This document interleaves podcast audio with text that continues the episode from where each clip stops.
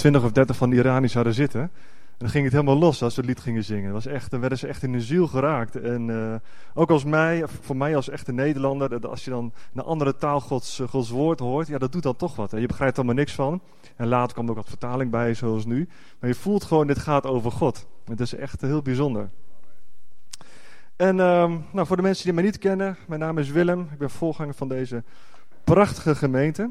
En uh, er bestaan geen perfecte gemeentes, maar onze gemeente, ja, wow, getting close. Als voorganger mag je een beetje opscheppen over je gemeente, toch? Ja, als ik het niet doe. Maar uh, gisteren hadden we een hele fijne avond met elkaar, tenminste een deel van de gemeente. We hadden uh, een appje eruit gestuurd van, hey, mensen die kunnen, die zijn bij ons van harte welkom. Dus gisteravond hebben we met, met zo'n 30 man heerlijk patat zitten eten. 50 frikandellen, 10 kilo patat is doorheen gegaan. Dus we hebben flink uh, ons best gedaan. En onze gemeente die is eigenlijk geënt op twee uh, uh, thema's. Dat is horizontale verbinding, dus met elkaar, en verticaal, met God. En daar is eigenlijk alles wat te doen, leggen we langs die meetlat van... is dit verbindend met elkaar en is dit verbindend met God? En, en daar proberen we eigenlijk de gemeente op te bouwen. Nou, vandaag gaan we het hebben over um, de kracht van gebed. Wie heeft wel eens de kracht van het gebed ervaren eigenlijk? Zet eens even je hand op. Ja. Wie is er wel eens teleurgesteld geraakt na een gebed? Oh, dat zijn er maar een paar. Oké, oké, oké. Bij wie zijn de gebeden altijd uitgekomen? Oké. Nou, als iemand zijn vinger had opgestoken, had ik even een beetje gepraat na de dienst, denk ik. Dat was heel bijzonder geweest. Maar dat is wel echt een hot item. Daar gaan we vandaag ook even over hebben. Ik begin even met een, uh, met een mooi uh, verhaal van een aantal jaren geleden. Ik heb een aantal jaren een, een rijschool gehad, een autorijschool. En in die tijd leerde ik een, een jongen kennen, een Afghaanse jongen, een moslim. En ik had het heel vaak over, over geloof met hem. En, maar ik kon hem Gelukkig maar. Ik kon hem niet overtuigen, weet je wel. Maar ik, ik wilde hem zo graag dat laatste stukje nog eventjes geven dat hij Jezus zou gaan aannemen. En los zou komen van de religie waar hij zo in vast zat. En, um, en hij vertelde op een gegeven moment van, ja, zegt hij Willem, ik heb een, uh, een tante in Amerika en zij is echt heel godsdienstig, heel religieus. En alles wat zij mij vertelt, dat neem ik echt als waar aan. Wat zij vertelt, zij is voor mij echt een, een autoriteit op het gebied van geloof en, en alles. Dus wat zij vertelt, dat, uh, dat is voor mij waar. Ik dacht van, nou, mooi. Dan ga ik eens eventjes voor die tante bidden. dus uh, ik ben... Um, uh, volgens mij heb ik hem toen vrijdags voor het laatst gezien. En toen ben ik dat weekend ben ik gaan bidden voor zijn tante. Ik zeg, heer, wilt u zijn tante in Amerika uh, aanraken met uw liefde? Wilt u, u haar een droom geven over Jezus? Moslims krijgen vaak een droom over Jezus. Hè?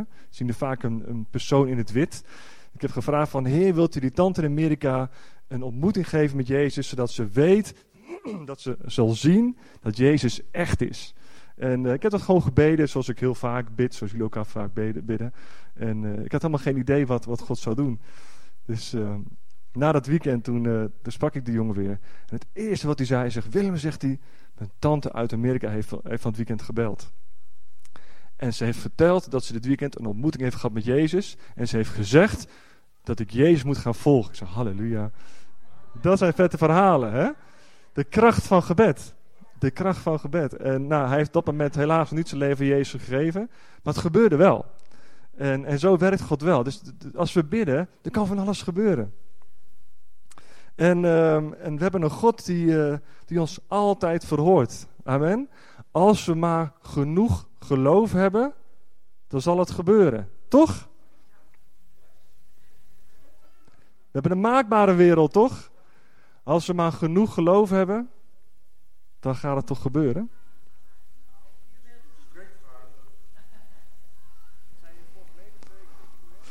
We gaan naar de eerste PowerPoint. Jezus antwoordde: Heb geloof in God. Luister goed, ik zeg jullie: als je dan tegen deze berg zou zeggen: Kom van de grond en gooi jezelf in zee, dan zal dat ook gebeuren. Maar dan moet je in je hart niet twijfelen. Je moet je geloof oppompen en geloven dat wat je zegt ook gebeurt. Daarom zeg ik jullie: Alles waar je om bidt, zal gebeuren als je gelooft dat je het zal krijgen. Geen woord Engels, toch? Of wel? Waar gaat het dan mis? Waar gaat het dan mis? En dit is niet de enige tekst trouwens. Hè? Er zijn nog veel meer teksten waarin Jezus zegt: Als je maar in mij gelooft, dan zal er van alles gebeuren. Nou, we hebben net even een check gehouden. En toen ik vroeg wie heeft, bij wie zijn alle gebeden beantwoord, ging geen één hand omhoog. Dus kennelijk hebben we hier in deze zaal niet genoeg ons geloof opgepompt. Ik ben, ehm, ik heb mensen uit de gemeente weten het. Ik heb vorig voorjaar toen, ehm, eh, toen begon ik uh, dromen te krijgen over, uh, over Amerika. God begon mij of vier, vijf dromen te geven. En die waren natuurlijk allemaal een beetje symbolisch. Dus moest ik, nou, wat betekent dat nou? En, maar ze gingen allemaal over Amerika. En allemaal dat ik op een bepaalde manier naar Amerika toe zou gaan. En op een gegeven moment toen, nou, toen was ik toch wel gefrustreerd. Van, nou, wat, wat bedoelt God aan mee? En, en wat zit er nou precies in die dromen? Op een gegeven moment vroeg ik aan de Heilige Geest, Heilige Geest, wat bedoelt u nou met al die dromen? Waarom krijg ik in één keer, out of the blue, uh, een stuk of vijf dromen over Amerika? En toen zei hij heel zachtjes, Willem, je gaat naar Amerika. Oh. Maar hij zei het zo zachtjes dat ik het bijna niet voor 100% durfde aan te nemen. Ik denk zo'n 95% dat ik dacht van nou, ik weet het vrij zeker dat de Geest zei tegen mij, je gaat naar Amerika. En um, binnen 24 uur na dat gebed, toen, uh, uh, toen kreeg ik een appje van een vriend. Hij zegt, Willem, we gaan naar Amerika, we moeten wat, uh, wat zaken regelen en ik betaal voor alles. Ja, dus binnen 24, ik kreeg vijf dromen, ik kreeg een stem van de Heilige Geest en 24 uur na die stem kreeg ik een appje. En uh, ik van, nou oké, hoe zal dat gaan, gaan wanneer zal dat dan zijn, hoe zal dat dan gaan? En ik had geen idee. Dus begin dit jaar, toen vroeg ik um, aan de Heilige Geest, zoals elk jaar, elk begin van het jaar, dan vraag ik van, nou Heer, wat, wat gaat er dit jaar gebeuren? En ik, ik had het nog niet gevraagd en ik zag direct in mijn geest, zag ik een Amerikaanse vlag wapperen. Dus ik wist, oké, het gaat gebeuren en het gaat dit jaar gebeuren. En afgelopen juni ben ik ook daadwerkelijk geweest. Dan mag de volgende PowerPoint er even op. En, um, oh nee, eentje, eentje terug. Oh, die mag dan niet. Ja. Eentje te ver. en um, uh, dus ik ging naar Amerika toe. En ik, was, ik, stond helemaal, ik stond helemaal aan, weet je wel. Ik dacht van, daar gaat iets groots gebeuren. En uh, God heeft zo voorzegd dat, dat, er, dat ik naar Amerika zou gaan. God was zo betrokken bij elk detail van mijn reis naar Amerika. Ik heb dromen gekregen, ik heb een stem gehoord, ik heb, ik heb een, een beeld gekregen. Dus God was bij elk detail betrokken dat ik naar Amerika zou gaan. Dus in Amerika moest er iets enorms gaan gebeuren. Ja? Dus ik stond helemaal in de fik. Ik ging de vliegtuig, ging van nou, uh, naast wie ga ik zitten? Wat wil God zeggen? En ik was helemaal gefocust op, op, op God. En ik heb, um, um, ja, ik heb, ik heb naar de mensen, heb ik daar een fantastische tijd gehad. Ik, ik heb straks ook wel een mooie foto ervan nog wel. En um, Um, ik, heb in, ben eerst in New York geweest een, weekje en toen daarna nog een uh, paar dagen in de, ja, echt in de middle of nowhere. Weet je wel, echt de bruine beren ook leven. En je komt daar geen mens tegen, gewoon lekker, uh, lekker gewandeld daar. Maar ik heb echt God gezocht. Ik heb op elke minuut bijna dat ik in de auto zat, ik had een hele grote pick-up gehuurd. En ik reed daar rond en ik was constant aan het bidden en door de natuur. En in New York, Times Square, ik zat constant te bidden van, hé, wat wilt u zeggen, wat wilt u doen? En, uh, en wat denk je? Er gebeurde helemaal niks. Ik heb een fantastische tijd gehad. Ik heb, ik heb echt zo genoten daarvan. En thuis ging het gelukkig ook allemaal goed. Um, maar um, op, op, op gebied van geloof was ik eigenlijk wel een beetje teleurgesteld. Ik ging echt met een kater naar huis. Ik had een jaar lang er naartoe geleefd. God had exact gedaan wat hij had gezegd. Ik ben daar naartoe gegaan. Uh, maar ik had er hele andere verwachtingen van. Ik dacht even, nou, ik krijg gewoon een, ik krijg een vette ontmoeting daar, weet je wel. Ik ga misschien uh, dat ik ergens word voor uitgenodigd om te spreken op een grote conferentie. Of ik krijg plannen voor de gemeente voor de aankomende vijf jaar. Een soort van boekrol, weet je wel. Helemaal uitgeschreven wat de gemeente of mijn leven of uh, ons gezinsleven gaat gebeuren. Het enige wat ik heb meegemaakt met God was op de terugweg naar New York toe. Zo langs de Hudson River. Toen reed ik daar in mijn, in pick-up. En uh, toen voelde ik heel licht Gods aanwezigheid. Echt heel licht. Ik eventjes dacht van, oh ja, hij is het toch wel, weet je wel. Dat was het enige wat ik heb meegemaakt. Terwijl ik best wel iemand ben die gevoelig is voor Gods stem. Weet je, als ik, als ik ga bidden, dan hoor ik vaak Gods stem. Maar het bleef gewoon twee weken lang helemaal stil. Nothing. Nou, dat is toch wel een beetje gek, hè? Als je dan weer die tekst leest, uh, daar staat toch duidelijk van: heb geloof in God. Als ik, als ik dan tegen die bergen had gezegd van, nou, uh, ga omhoog en kom vlak achter Zutphen staan, hadden we een mooie berg in Zutphen gehad, dan had hij dat moeten doen, volgens die tekst. Maar dat is niet gebeurd. Dus ik was daar een beetje van, uh, van, uh, van, van slag. En uh, ik snapte het ook niet helemaal. En het heeft me ongeveer zo'n zo'n vier weken gekost dat ik weer een beetje met God begon te connecten. Ik was echt een beetje ja, van het padje, zeg maar. Ik, was, ik, ja, ik heb zo naar die reis toegeleefd. Hè. Dan is die reis ook achter de rug. Dus dat, is sowieso wel even een ding. Als je heel erg lang naar iets toeleeft en het is gebeurd, dan, um, dan moet je er even van bijkomen. Maar ik had zoveel van God verwacht. Ik had zo'n ik was zo gefocust op hem ook, weet je wel. En, er gebeurde gewoon helemaal niks. Nou, dan gaan we natuurlijk een beetje naar de ontknoping van het alles. En um, de grote truc is dat heel veel uh, vertalingen in Nederlands zijn eigenlijk niet goed vertaald. Want als je hier dus leest, dan staat er: heb geloof in God. En als je geloof hebt in God, staat hier in deze tekst, dan zal gebeuren wat je vraagt. En mijn allereerste preek ooit, dat was ook in deze gemeente, alleen in het vorige gebouw, in de bioscoop waar we zaten, die ging daarover. Mijn allereerste preek ging over het oppompen van je geloof. Als je maar genoeg geloof hebt, hè, dan gaat God in de hemel, die gaat dan kijken, die heeft dan heeft zo'n teller naast zich. Zo zie ik het dan voor me. En dan gaat hij kijken hoeveel procent geloof je hebt. Ja? Dus stel je voor, je, je, hebt, wat, uh, je hebt een tientje nodig. Nou, dan is uh, 60% geloof misschien wel genoeg. Maar dan gaat hij kijken. Nou, heeft uh, Willempje deze week 60% geloof gehad? Ja, 10 euro. Hij heeft het gehaald. Ja? Maar dan heb je in één keer een hele ernstige ziekte.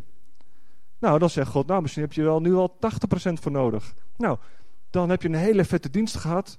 En dan, uh, dan sta je helemaal in de fik. En dan sta je helemaal aan en heb je gezongen. En dan heb je wel 82% gehaald. Bam, genezen. Maar goed, misschien heb je heel veel tegenslag in je leven. En, uh, zit alles tegen en je bent, je bent hartstikke ziek. Je, je, je kan je bed niet eens uitkomen. Dan heb je maar 50% geloof. En dan? Dan blijf je dus ziek.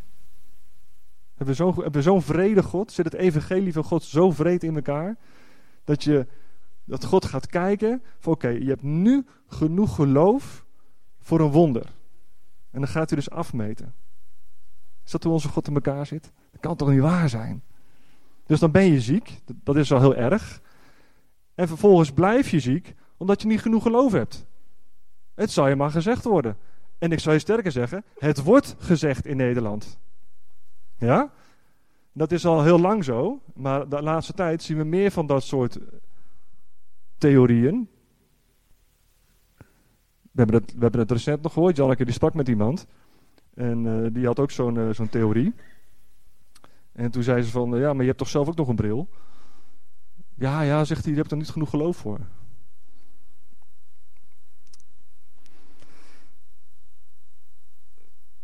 Ik geloof echt in een God met van wonder hoor. Ik geloof echt in een God van wonder, maar het zit toch even iets anders in elkaar.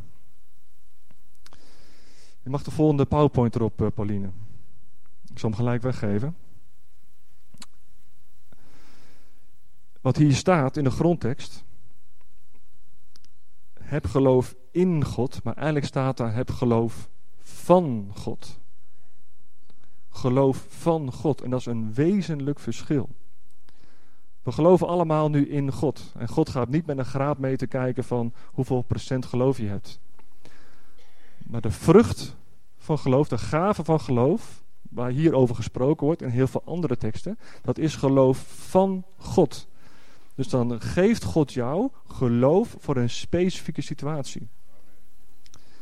En als ik daar in het bos had gewandeld en God had mij de gave van geloof gegeven, om tegen die berg te zeggen: Berg, ga omhoog en ga achter Zutphen staan. Dan hadden we hier nou een berg gehad. Dan is het een piece of cake. Echt waar. Als God jou de gaaf van geloof voor de situatie geeft, geloof van God, dus God heeft een plan, Hij ziet die berg. Hij denkt van, nou, die berg die moet nu daarheen. En dan zegt hij tegen mij, dan geeft hij mij de gave van geloof vanuit zijn plan. Dan geeft hij mij de geloof voor, de gave van geloof. En dan ontvang ik dat van, hé, hey, zeg ik dan in één keer, ik heb te geloven dat die berg uh, zich gaat verplaatsen. En dan gaan jullie me allemaal uitlachen. Ze nou Willem, dat geloven we niet hoor. Ik zeg, nee, maar ik geloof het wel.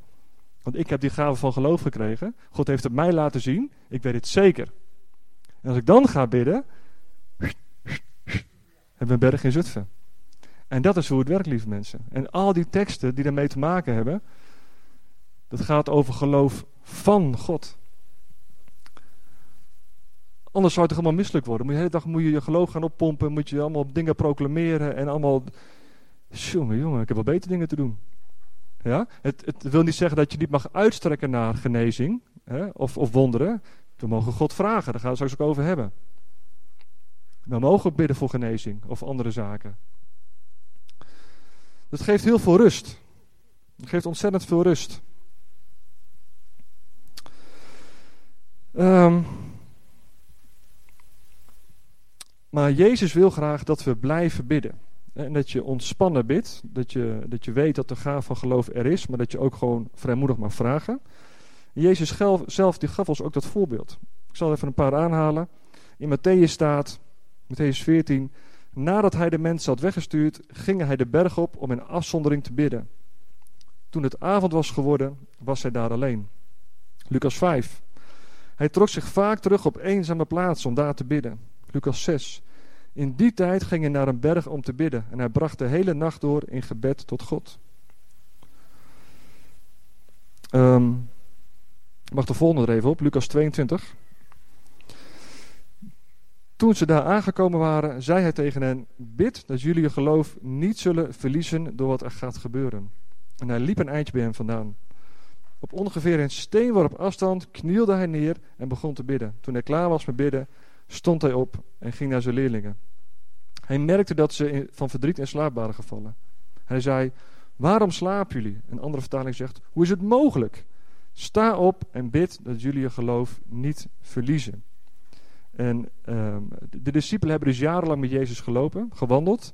En ze zien constant dat Jezus eigenlijk zich terugtrekt om te gaan bidden. Jezus gaat steeds naar de eenzame plekken toe om God te zoeken, om te gaan bidden. En Jezus zegt nog specifiek van in deze situatie, ga bidden. Ga niet slapen, ga bidden. En bid voor mij, bid dat je geloof niet verliest, maar ga in gebed. En dan komt hij dus terug en dan liggen ze te slapen.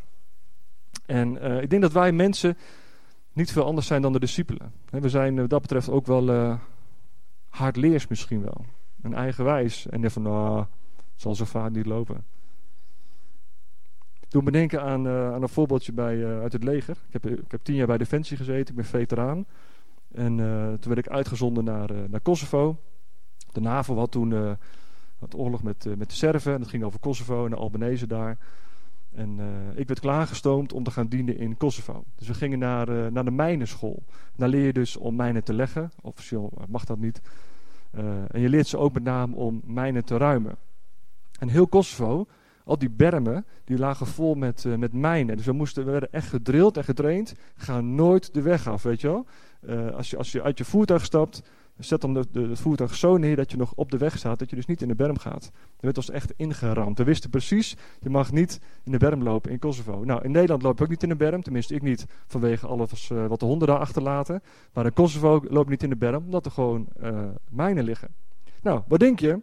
Dan ben je dus uh, maandenlang ben je voorbereid, je weet precies wat je moet doen. En wij gingen, volgens mij vlogen we op Macedonië. En met, vanaf Macedonië gingen we met de bus Kosovo binnen. En... Ehm, nou, na een paar uur de Kosovo te zijn gereden, toen kregen we een, een plaspauze. Dus de bus die stopt. De deuren gingen van, de, van de bus gingen open. En alle 50 man gingen in de berm staan om te plassen. Ongelooflijk, hè? Ja, er is gelukkig niemand opgeblazen. Dat was een vuile stukje, gelukkig. Maar uh, even een voorbeeld van hoe je weet soms dingen, hoe, dat, dat dingen moeten. Er zijn je dingen geleerd. En je neemt gewoon het risico om in een mijnenveld te staan. Ik heb nog wel gekkere verhalen. Ik ben zelfs een keer een mijnenveld ingereden, omdat ik er geen zin meer in had. Maar dat is een ander verhaal. Maar um, um, wij kunnen als mensen kunnen we soms gewoon, ja, gewoon er geen zin in hebben. Eigenwijs zijn. rebel zijn, hardleer zijn. Maar Jezus zegt duidelijk, we moeten bidden. En ehm, ik zal je ook vertellen, een van de redenen waarom we mogen bidden. Mag de volgende PowerPoint erop. Want misschien heb je het wel gemerkt, ik heb een stukje uit die tekst van net weggehaald. Wie had dat gemerkt trouwens? Niemand? Oeh. Goed lezen, lieve mensen. Juist het meest elementaire deel van de tekst heb ik er tussenuit uitgehaald, maar nu staat hij er wel in. Toen ze daar waren aangekomen, zei hij tegen hen: Bid dat jullie je geloof niet verliezen door wat er gaat gebeuren. En hij liep een eindje bij hem vandaan. Op ongeveer een steenworp afstand knielde hij neer en begon te bidden. hij bad: Vader, laat mij alsjeblieft niet de beker van uw straf hoeven leeg te drinken. En dan komt het. Maar ik zal niet doen wat ik wil, maar wat u wil. En toen kwam er een engel bij hem om kracht te geven. Daarna bad hij nog vuriger. Hij begon zo bang te worden dat zijn zweetdruppels veranderden in bloeddruppels die op de grond vielen. Nou, het gaat over dat stukje, maar ik zal niet doen wat ik wil, maar ik zal doen wat u wil. En daar is Jezus ons echt in volgegaan. Jezus is in alle situaties die ons voorbeeld. En als Jezus het dus nodig heeft om te bidden, dan mogen wij niet hardleer zijn of eigenwijs zijn, mogen dat voorbeeld na gaan volgen. En um, het, het, gaat nog een stapje verder zelfs. In 1 Johannes staat, wie zegt ik ken hem, maar zich niet aan zijn geboden houdt, is een leugenaar.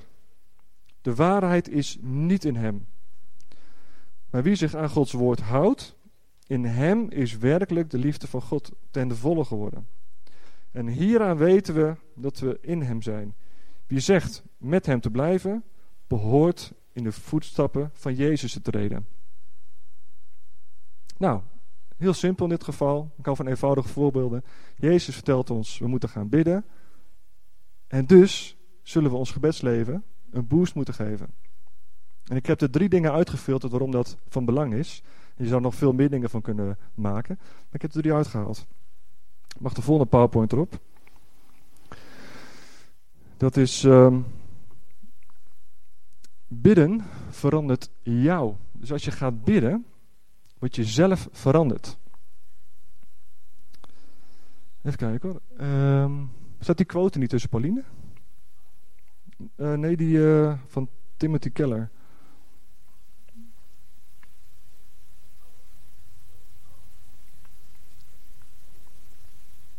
Ja, oh nee, dat is voor Rick Warren, die is aan het eind.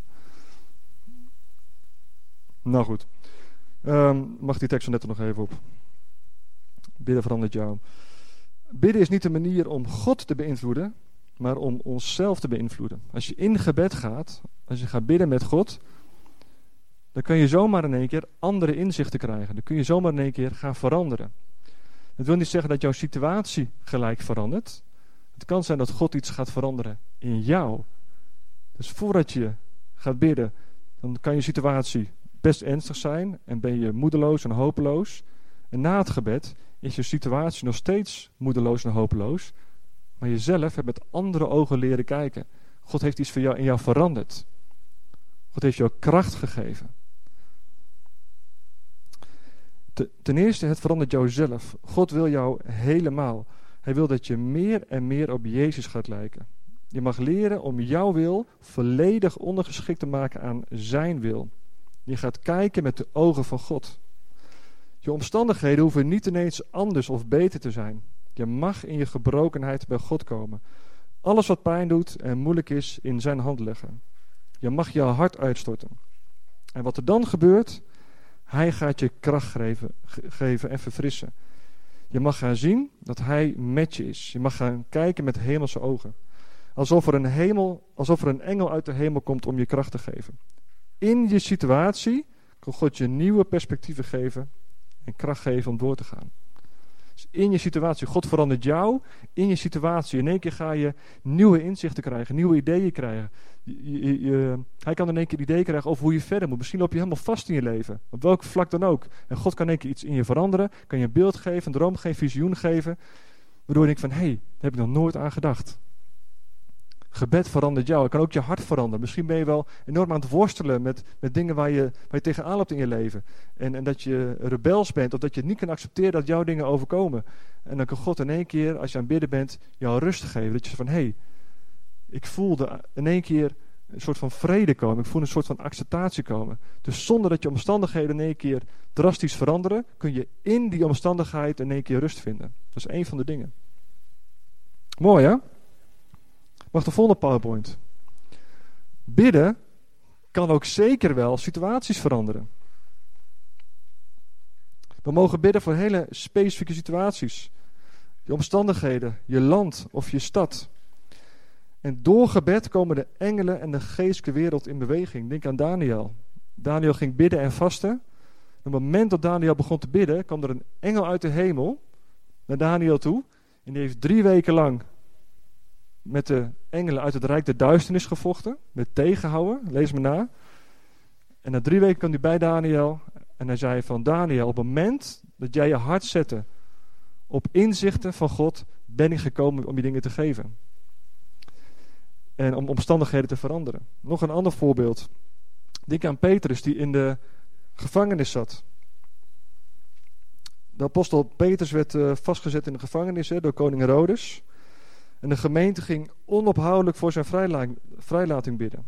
En tijdens die nacht verscheen er een engel die de ketenen van Petrus verbrak en hem uit de gevangenis leidde. We kennen dat verhaal toch?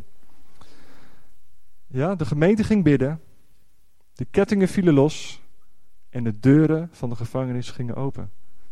Dus gebed kan jouzelf veranderen, maar gebed kan ook zeker wel je omstandigheden veranderen.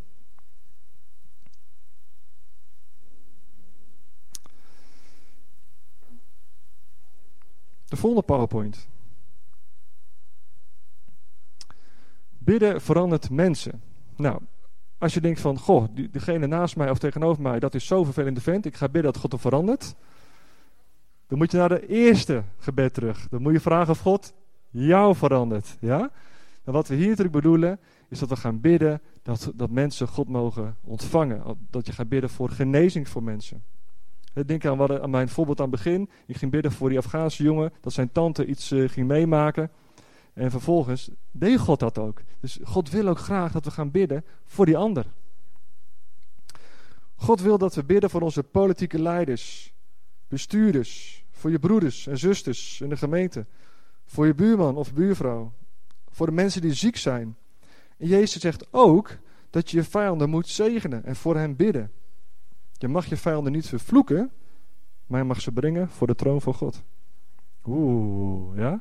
Als mensen je naar het leven staan, als mensen je het moeilijk maken, onze eigen reactie is van nou, die zal ik eens eventjes uh, te pakken nemen, toch? Even een raam ingooien of eventjes uitschelden of uh, ja, verzin maar, genoeg uh, mogelijkheden. Maar Jezus leert ons, nee, je moet degene gaan zegenen. Nou, dat verandert ten eerste hopelijk die andere persoon. Maar het gaat God ook om jouw hart. Als jij degene gaat zegenen die jou vervolgen, dan gebeurt ook iets in jou. Dus het werkt dubbel op. En God kan zomaar diegene aanraken. God wil dat je een actief gebedsleven hebt, zodat je steeds meer op Jezus gaat lijken en je karakter gevormd gaat worden. En als je veel bidt, kun je vrucht dragen voor de mensen om je heen. Want je ontvangt verse en frisse inzichten en bemoedigingen van God. En het is belangrijk dat je een, een, een manier vindt, een tijd vindt, een locatie vindt waarop je fijn kan bidden. Ik zelf uh, kan niet heel lang stilzitten en me concentreren op God. Het is met uh, nou, zes seconden ongeveer voorbij.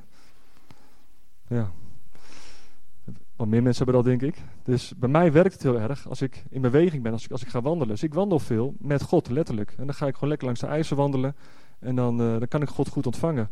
Of als ik ga autorijden, werkt dat bij mij ook heel goed. Dan ga ik en autorijden ondertussen richting mijn goddelijke muziekje aan. Vind ik heerlijk, weet je wel. Maar misschien werkt dat voor jou wel heel goed. Dat je zegt van, hé, hey, ik kan echt een uur lang gewoon me concentreren op God met een bakje koffie en een bijbeltje. Doe het vooral. Maar zoek een manier, een plek, een, uh, uh, een moment ook dat je echt zegt, oké, ik ga echt God zoeken. Het is belangrijk voor jezelf, voor de mensen om je heen, in je stad, in je land, voor je bestuurders. Mag die je volgende droppen, Pauline? Van Rick, uh, Rick Warren. En bidden is niet een optie, het is een levenslijn. Het is niet optioneel. Als, als bidden optioneel zou zijn, zou het niet zo vaak in het Nieuw Testament staan van hey, Jezus ging zich terugtrekken om te bidden. Het is niet van, goh, ja, nou, ik ben christen, ik geloof in God. Oh ja, uh, laten we nog even bidden voor het eten. dat, dat mag soms, soms heb je het gewoon druk. Maar er moet een structuur van gebed in je leven zijn. Er moet een connectie zijn met God. En uh, het is van belang dat je Gods persoonlijk spreken ook leert kennen. Want je, je kunt het van mij horen, je kunt het in de Bijbel lezen, je kunt het van anderen horen, je mag voor je laten bidden, doen we ook graag in deze gemeente. Maar belangrijk is dat je zelf gaat ontvangen van God. Het is je eigen verantwoordelijkheid dat je een lijntje met God hebt. we doen ons best hier om mensen toe te rusten, te trainen, met van alles en nog wat. Maar uiteindelijk is het ieders eigen verantwoordelijkheid dat je zelf de Bijbel pakt en zelf gaat connecten met God. Dat je zelf gaat downloaden wat God voor jou heeft. Misschien wil hij wel een heel naar karaktertrekje in jou gaan veranderen. Dat kan zomaar. Heeft voor mij gelukkig ook gedaan. Daar is mijn vrouw heel dankbaar voor. of, uh, of hij wil gewoon iets aanraken. Of hij wil iets in je doen. Hij, wil, hij wil je zegenen. Het is niet van, goh, nou dan moeten we weer gaan bidden. Nee, hij wil juist dat je dicht bij hem bent. Zodat hij je kan aanraken, veranderen. Zijn liefde kan laten zien. Iets met je kan delen. Ja? Als, als, ik, uh, als ik een verrassing heb voor onze kinderen dan zorg ik ervoor dat, dat ja, dan komen ze lekker bij mij op schoot zitten, hou ik ze vast. En zeg, hé, hey, papa heeft een uh, verrassing voor je, weet je. Dan ga ik wat, wat hints geven. Van, nou, uh, het, is, het is rood, het heeft twee wielen en een stuur. Nou, oh, een fiets, ja, weet je wel. Maar zo doet God dat ook. Zo doet God dat precies hetzelfde. Hij gaf mij dromen over Amerika. Een beetje raadselachtig. Die ja, zou, zou ik nou naar Amerika gaan? Ik raad. Ik zei, heer, ga ik naar Amerika? Nog een droom. Nou, ik snap het nog steeds niet. Weet je wel? misschien een beetje kinderlijk omschreven, maar zo werkt God wel. God wil je dingen geven. Maar meestal werkt het wel zo dat hij dat doet op momenten dat jij daar in al jouw drukke agenda's afspraken even wat ruimte voor neemt. Je zet de verantwoordelijkheid. Voor jezelf, voor de mensen om je heen. Want als je gaat bidden, dan kunnen dingen veranderen. Dus je kunt ook voor je gezin gaan bidden. Laten we ook bidden voor onze bestuurders van ons land. Nou, die hebben wel wat gebed nodig. hè? We kunnen wel een jaar voor gaan vasten als we het zouden overleven. Ja, serieus. Bid voor de bestuurders. Bid voor de bestuurders van dit land en van Europa. Want, uh, nou, laten we maar behouden dat ze gebed nodig hebben. Amen. Ook voor onze stad. We willen ook onze stad tot, bloei zien komen. Wij hebben een verantwoordelijkheid in deze stad. En willen dat de mensen in deze stad geraakt worden. Nou, dat moeten we ook doen door, onze, uh, door ze te vertellen over Jezus, te getuigen van Jezus. De tijd dat we stil in een hoekje gaan zitten is echt voorbij, lieve mensen. Die tijd is echt voorbij. We mogen een zoutend zout zijn, een lichtend licht. Ze mogen laten zien wie we zijn. We mogen, we mogen schuine streep moeten, kleur gaan bekennen. En die kant gaat het op. Die kant gaat het echt op. En hoe snel het zal gaan, dat weten we niet. Maar, uh, maar we hoeven niet bang te zijn. We hoeven niet, niet uh, teruggetrokken te zijn. We hebben iets goeds te delen. We hebben iets te delen waar we trots op mogen zijn. We hebben het leven met Jezus gevonden, wat in de eeuwigheid door zal blijven gaan. Dus we hebben ook wat te vertellen.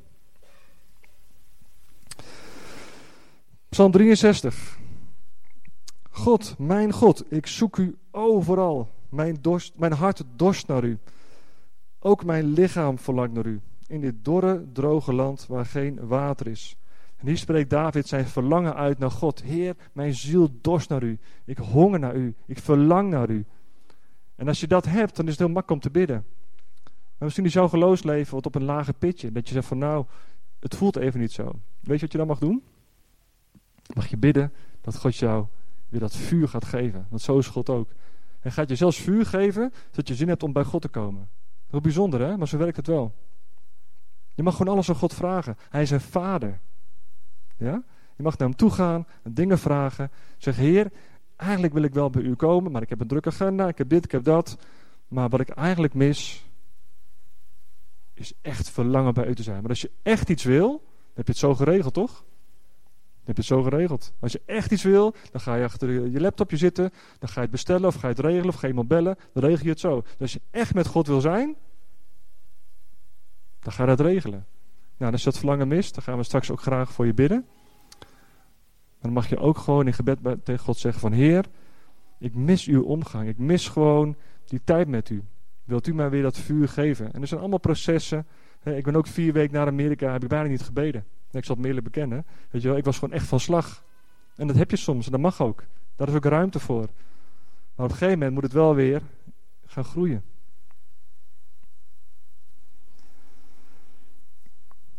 Nou. Ik denk dat ik er wel doorheen ben. Straks dan, uh, we gaan zo zingen, dus de mensen mogen vast naar voren komen.